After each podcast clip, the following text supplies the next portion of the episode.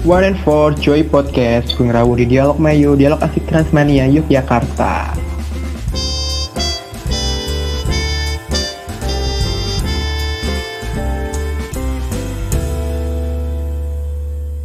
Oke, Ma Pren. Setelah minggu lalu ditemenin bareng Samara sama Pinkan, kali ini balik lagi dengan kita, dengan aku Jadit. Dan aku Selfie. Halo Mapren.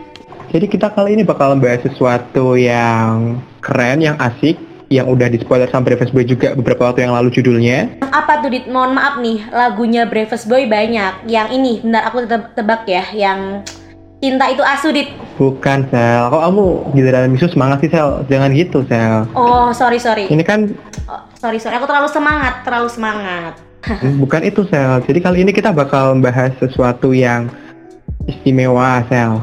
Kayak kamu lah ya, yang istimewa gitu. Widih. Oh, ngomong-ngomong tentang istimewa, sama aja kayak Jogja dong, Dit. Yang katanya kota yang penuh kenangan dan keistimewaan. Jadi kita sebagai pribumi asli Jogja nih ya, kita sedikit tahu lah ya. Sedikit-sedikit tahu tentang hmm, istimewanya Jogja yang katanya tuh 60% kerinduan, 40%-nya tuh angkringan, Dit. Setuju nggak?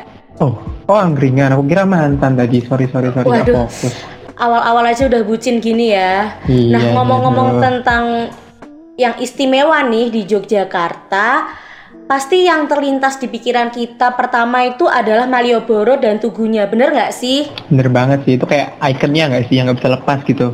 Iya, jadi Tugu ini merupakan ikon yang eh, kalau Mapren berkunjung di Jogja itu tempat yang utama dan pertama yang harus dikunjungi nih. Nah, Jadit gimana nih sebagai akamsi di Jogja itu udah pernah belum nih foto di depan Tugu?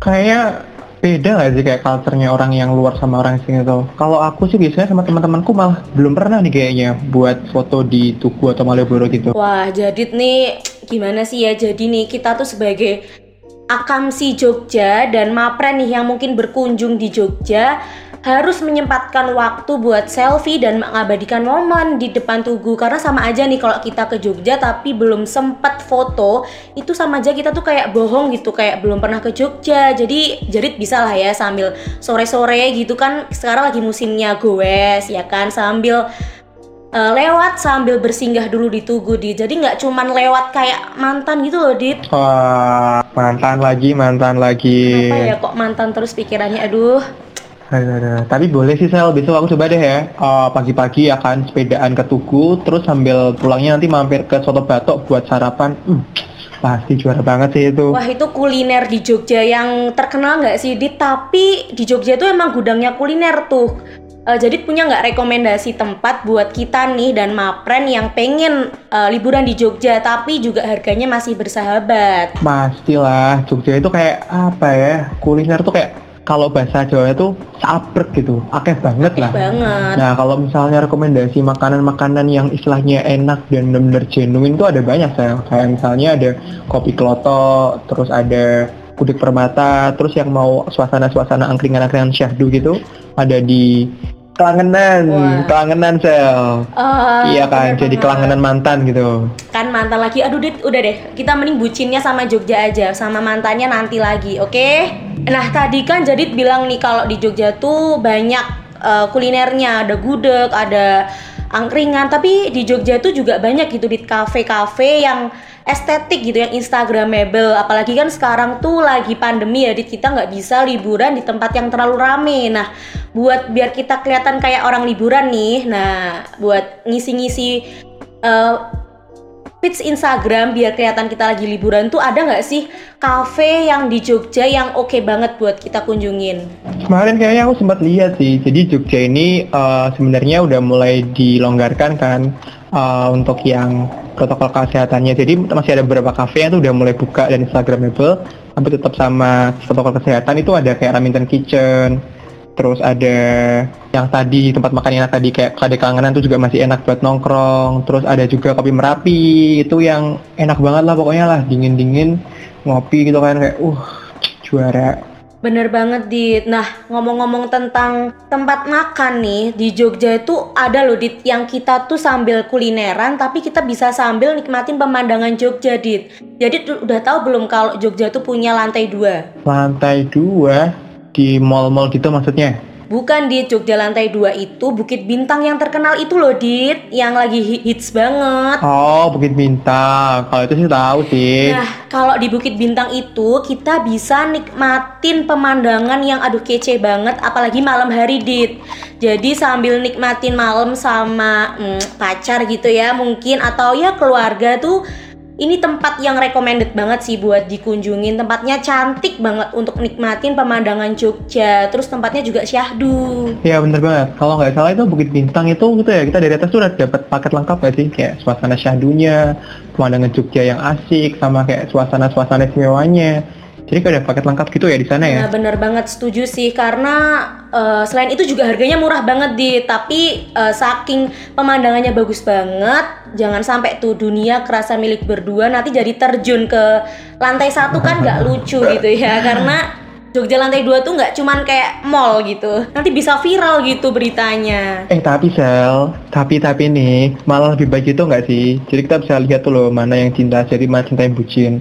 Kan banyak tuh biasanya orang-orang bucin yang dia tuh bilang kan, "Eh, aku nggak bisa nih hidup tanpa kamu. Aku pengen nih hidup semati sama kamu. Itu terwujud. Mereka hidup bareng mati bareng. aduh itu omongan krokodil banget ya harus dihindari jadi aduh jangan percaya deh udah pokoknya kalau mau bucin ya udah silahkan Sewajarnya aja ya, sewajarnya. bener banget Oh iya Sel, ini kita ngomongin dari kita ngomongin kuliner nih. Eh, aku dapat email nih Sel. email apa tuh dari salah satu media partner kita. Iya, eh, buat teman-teman di sini yang istilahnya sering atau pernah searching gudeg di Google, GUDEG, itu pasti teman-teman bakal lihat ada nenek-nenek yang dia itu entusias banget gitu, yang bener-bener eh, passionate dalam eh, masukin gudeg ke wadahnya.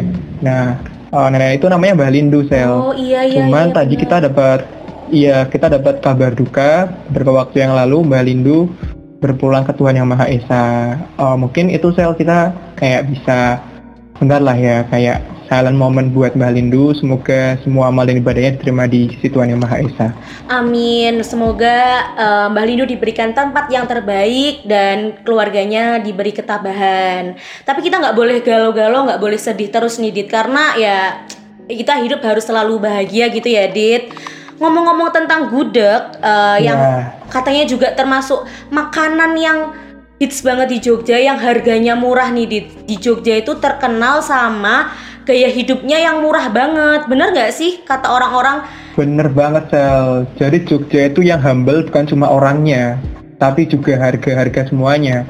Kalau istilah Jawa itu ramasuk lah. Ramasuk Kayak gitu, Sam. banget ya kan waktu itu aku pernah kan Sel kayak main tuh kan berlima cuma bawa uang 3000 kenyang Sel jadi kayak kita beli kan ada tuh di dekat kampusku rumah makan dia itu malah kayak sedekah sih. Jadi kayak modelnya tuh all you can eat gitu. Wah. Nasi sama sayur cuma 3000 nah waktu itu kita nasi sama sayurnya tinggi Sel. Masih ditumpeng Sel. Kita masih dibeli tumpeng itu tiga ribu. 3.000. doang deh kayak gitu gila jadinya. parah. Iya dapat dapat tumpeng itu 3000 tuh kan kita hidup di Jogja aja dengan uang 3000 atau 5000 kita bisa makan sepuasnya dan enak gitu dit. Iya jadi nggak usah dapat tumpeng malahan Iya, ya nggak kan usah khawatir. Jadi tetap kamu tuh bisa hidup tanpa dia. Asalkan kamu di Jogja, udahlah, tenang aja ya kan. Ya, apalagi buat mahasiswa yang kayak kita kita ini yang serba hemat gitu ya, apalagi di akhir bulan, jangan sampai tuh makan promak doang ya nggak? Yo, jangan sampai lah ya skripsi kelar, nyawa juga kelar.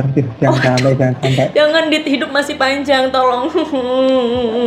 Eh, tapi kalau misalnya kita ngomong mahasiswa Jogja nih, Sel, mahasiswa itu identik di Jogja nih ya, itu identik dengan mahasiswa eh, murah, event dan kali urang, iya nggak? Wah, iya. Aku banget sih. Apanya? Murahnya? Oh, kamu murah? Kamu murah? Enggak, enggak, enggak, dit, jangan salah fokus. Aku mahal, sorry. Oh, sorry, sorry, sorry, sorry, sorry. 80 juta. Enggak, enggak bercanda sayang. nah, kalau katanya nih Jawa Barat tuh punya Bogor, di Jogja tuh punya Kali Urang, men. Katanya Kali Urang ini tempatnya ya gimana ya? Udaranya dingin kan di di sana. Terus cocok juga nih di musim kayak gini kita kan staycation ya karena nggak bisa pergi ke mana-mana yang rame kita bisa ngadain tuh makrab sama teman sama keluarga di Kali Urang itu udah tempat yang paling cocok banget di Bener banget sih, buat mapren-mapren yang pengen enak murah-murah gitu bisa dikali urang ya. Tapi jangan aneh-aneh mapren mikirnya, maksudnya villanya murah Ya, gitu. Soalnya waktu itu aku pernah kan eh, makrab sama teman-temanku itu bayangin nih Sel, kamar, sorry villa itu kamarnya ada empat, ada kamar mandi dalam, terus Wow, ada banyak ya. lengkap lah gitu, cuma 300 ribu cuy. Hmm, Itu kan apa ya, 300 ribu cuy, gila. gila nggak sih? Makanya itu fasilitasnya banyak, harganya murah banget ya kali eh, kita belum pernah ke sana apalagi mahasiswa nih mesti udah pernah ngadain makrab ngadain outbound di di Kaliurang. cuman itu sel kadang-kadang tuh kita perlu cepet-cepetan sama siswa lain. Soalnya kan Jogja itu ya dengan segala kota gitu pendidikannya ya. kan iya itu kan banyak banget ya kayak mahasiswa yang pengen makrab gitu. Kan nggak mungkin kan satu villa buat satu universitas gitu. Waduh, Jadi makanya perlu cepet-cepetan sel karena Hmm. banyaknya kampus sama jurusan di Jogja. saking Nah, banyaknya gitu sih, ya parah. Yogyakarta Saking terkenal banyaknya. Mm-mm, terkenal banget sama kota pelajar yang pasti banyak mahasiswa dan pelajarnya. Jadi Yogyakarta ini sebenarnya pribuminya dikit sih Dit. Yang banyak itu ya pendatang-pendatang mahasiswa itu ya gimana nggak berebut gitu karena kampus-kampusnya sekolahnya semua bagus semua. Jadi semua orang pada berebut pengen kuliah di Jogja. Bener banget sih. Soalnya kalau misalnya aku juga punya teman kan, dia itu kalau misalnya sudah mendapatkan titel mahasiswa Jogja itu udah berasa jadi Habibie muda gitu. Tanyain ya kan di kamu halamannya, eh kamu kuliah di mana? Di Jogja. Nah dia udah Jogja. merasa, makanya padahal cuma di Jogja. Terus saking brandingnya yang keren banget nggak sih di Jogja kota pendidikan ini? Yoi, nah karena ya di Jogja itu terkenal sama itunya Dit Wah dia udah kuliah di Jogja Insya Allah lah ya berpendidikan gitu Asalkan kita kuliahnya bener-bener Terus kita juga bisa tata krama Dit Karena di Jogja ini masih kental banget loh sama tata krama Atau bahasa Belandanya tuh unggah-ungguh Mungkin kayaknya yang bikin mahasiswa betah di Jogja itu karena itu ya ramah sama ibu kosnya ya. Jadi mungkin kayak ibu kosnya udah jadi ibunya dia sendiri ya. Hmm, Cuma kadang-kadang kelewatan ya kan. Minta ibu kosnya sangu ya kan. Sampai minta diskon Emang parah sih. Aduh. Udah ini apalagi musim pandemi gini ya udahlah udah itu ibuku jadi ya nggak bayar nggak apa-apa tapi jangan gitu mapren Iya, buat mapren-mapren bayar ya. ingat ya, uang kosmu adalah utangmu dan jika tidak bayar utang, kamu akan masuk neraka. nah, mungkin tapi ini Sel, kalau misalnya kita bicara mengenai unggah-ungguh itu nggak bisa dilepaskan dari adat di Jogja yang benar kental nggak sih? Kayak kamu tuh tiap jalan Jogja itu selalu menemukan hal-hal adat yang unik dan kamu pikir, loh, ada adat kayak gini masih dibeli sampai sekarang. Iya nggak sih? Iya, kar- tata kramanya aja masih diperhatiin banget, Dit. apalagi kepercayaannya itu masih kental banget lah ya, masih dilakuin sampai sekarang. Salah satunya tuh banyak banget mitos, Dit. Nah, aku nggak tahu sih mitos ini beneran apa enggak, tapi tuh ya gimana ya sebagai anak milenial zaman now itu, ya kita paling nggak men- menghindari gitu lah ya. Contohnya nih, Dit. Eh, kalau kita ke pantai Parangtritis itu kita nggak boleh pakai baju warna hijau dit kenapa ya dit padahal kan cucok gitu dit ya pakai baju hijau ke pantai seger gitu bawaannya Iya kan, kira itu ya, pawai ojol, demo ojol gitu. Tapi kalau aku sempat baca-baca itu kalau nggak salah gara-gara itu sih. Jadi emang ada mitos di Parangtritis itu, Parangtritis itu kan istilahnya eh, yang punya katanya nih ya, itu kan Roro Kidul. Nah Roro Kidul itu katanya dia kayak eh, edik banget gitu sama warna hijau gitu. Jadi takutnya kita ketika kita nanti pakai baju hijau di pantai Parangtritis, kita disiras sanak saudara, kita kan dikira sanak saudara Nyi Roro Kidul, terus kita diajak ke dunia dia kan juga istilahnya agak-agak serem kan. Nah, maka dari itu kayak jadi pantangan gitu di sana. iya pantangan jadi ya sebagai anak milenial ya bukan yang nggak percaya paling nggak kita menghindari aja dit Iya. Nah selain di pantai Parangtritis itu juga ada mitos dit yang di alun-alun kidul yang katanya nih kita tuh dipercayain kalau kita bisa tutup mata sambil eh, melewati ringin kembar atau du- jadi di sana tuh ada dua beringin yang sama gitu dit. Nah orang-orang tuh mempercayai kalau kita bisa jalan lurus terus ditutup matanya itu cita-citanya bakal tercapai tapi ya gimana ya kalau cita-cita tercapai sih mungkin ya aminin aja tapi jangan lupa nih tetap usaha dan doa ya nggak sih Bener banget. Tapi aku juga pernah dengar mitosnya sih, walaupun kadang-kadang ya ah, sambil lalu sambil lalu aja lah nggak aku anggap serius gitu. Eh, alun-alun kidul tuh selatan apa utara sih? Kidul tuh selatan di. Jadi di Jogja ini Oh iya iya iya iya iya iya. di Jogja ini kental banget sama arah mata angin dit. Mesti kamu kalau ke mana-mana itu sama orang lain itu ditunjukinya arah mata anginnya nggak sih? Bener bener bener bener bener. Bener banget. Kayak nggak pernah gitu ya ditunjukin masnya ke sana lurus terus belok kiri lurus wae nggak pernah ya? Belok kiri, Nggak pernah kan ya? Mesti selalu yang lor kidul etan. Oh iya sel bener banget sel. Jadi waktu itu aku juga pernah dikasih tips nih sama istilahnya eh nenekku ya. Jadi kalau di Jogja ini kita ada yang namanya barometer tetap. Kalau dibilangin lor, kalian cari aja Gunung Merapi. Gunung Merapi di mana ya? Apakah di sebelah sana? Lebih keras. Oh iya itu Gunung Merapi. Nah itu berarti lor. Hmm. Kalau kidul itu berarti pantai selatan. Selatan. Itu sel tips gampangnya. Jadi itu udah kayak pedoman tetap ya, Dit. Jadi nggak usah bingung. Jadi buat uh, mapran nih yang uh, kayak Iya. aku juga buta arah mata angin gitu ya. Jangan takut, jangan grogi. Pokoknya iyain aja sambil oh sana utara, sana selatan gitu dipahami dengan betul gitu ya. Nah, Mm-mm, bener banget. kalau tadi kan ada alun-alun kidul ya, Dit. Itu kan di selatan. Nah, di alun-alun utara tuh juga ada, Dit. Itu selalu diperingati setiap tahunnya sambil memperingati Maulid Nabi Muhammad Shallallahu Alaihi Wasallam. Oh iya iya, aku jadi nostalgia kan zaman-zaman kecil dulu waktu sekaten itu asik-asiknya ada biang lala, biang keladi, Uh, eh, kok biang apa keladi? lagi, yoi.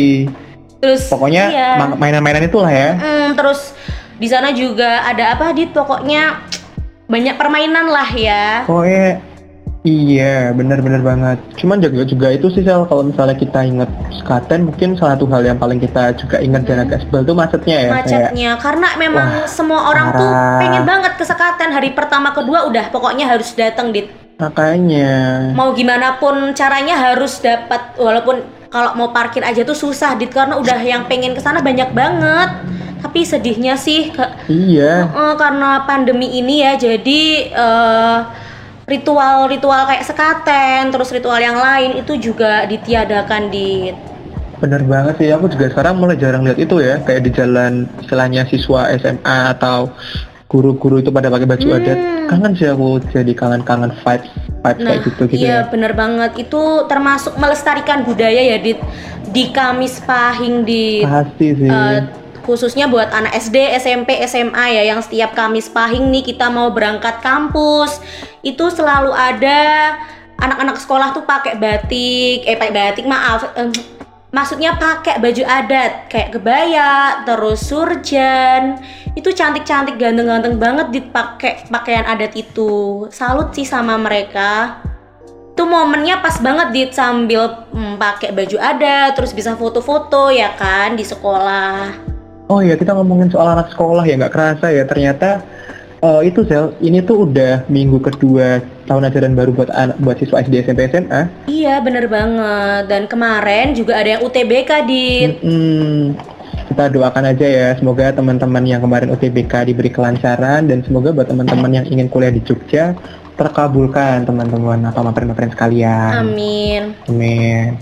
Bener banget pokoknya Jogja selalu menunggu nih kedatangan Iya. mapren calon-calon siswa dan calon-calon mahasiswa baru di Yogyakarta Bener banget. Cuman kalau buat sekarang mapren ke Jogjanya agak slow ya mapren. Kalau kata Ridwan Kamil agak slow diselokan paying kalau kata Ridwan Kamil gitu. Soalnya di Jogja ini kita sekarang juga masih istilahnya sih agak corona biar segera selesai. Karena Jogja ini juga termasuk zona oranye. Uh, semoga lah segera menjadi zona hijau ya. Dan buat mapren-mapren sekalian yang dengar podcast ini, jangan lupa mapren-mapren untuk jaga kesehatan, jangan lupa makan, stay safe, stay healthy, dan yang paling penting adalah stay with me mapren. Aduh, kan udah nggak bucin jadi bucin lagi nih kan. Aduh, emang jadi nih bawaannya bucin mulu. Tapi aku maunya Aduh. bucin sama Jogja sama dialog Mayo aja deh, Dit. Tapi kita udah bahas banyak banget tentang keistimewaan Jogja. Tapi rasanya masih kurang kan, Dit? Masih banyak yang istimewa di Jogja tuh. Bener banget mapren. Istilahnya tadi tuh cuma kayak spoilernya lah. Jadi Dialog Mayo bakal selalu hadir nemenin Mapren semua malam minggu ya di setiap hari Sabtu jam 4 sore atau 16 waktu Indonesia bagian barat. Jadi eh, kita selalu menghadirkan eh, podcast Dialog Mayo di Instagram kita. Jadi jangan lupa mampir ke Instagram @transmania. Terus Mapren juga bisa nih saran-saran atau ngasih eh, request mau request episode berikutnya kita mau membahas tentang apa karena kita sangat terbuka banget buat Mapren. Siapa tahu di episode berikutnya kita langsung eksekusi uh, saran dari Mapren. Terus jangan lupa nih Dit, kalau Dialog Mayo itu juga hadir di Spotify ya. Jadi jangan lupa sambil ceki-ceki Spotify sambil lihat di Dialog Mayo karena kita juga nyediain playlist music yang asik-asik banget buat mapren nemenin hari-hari mapren ya biar nggak ambiar gitu.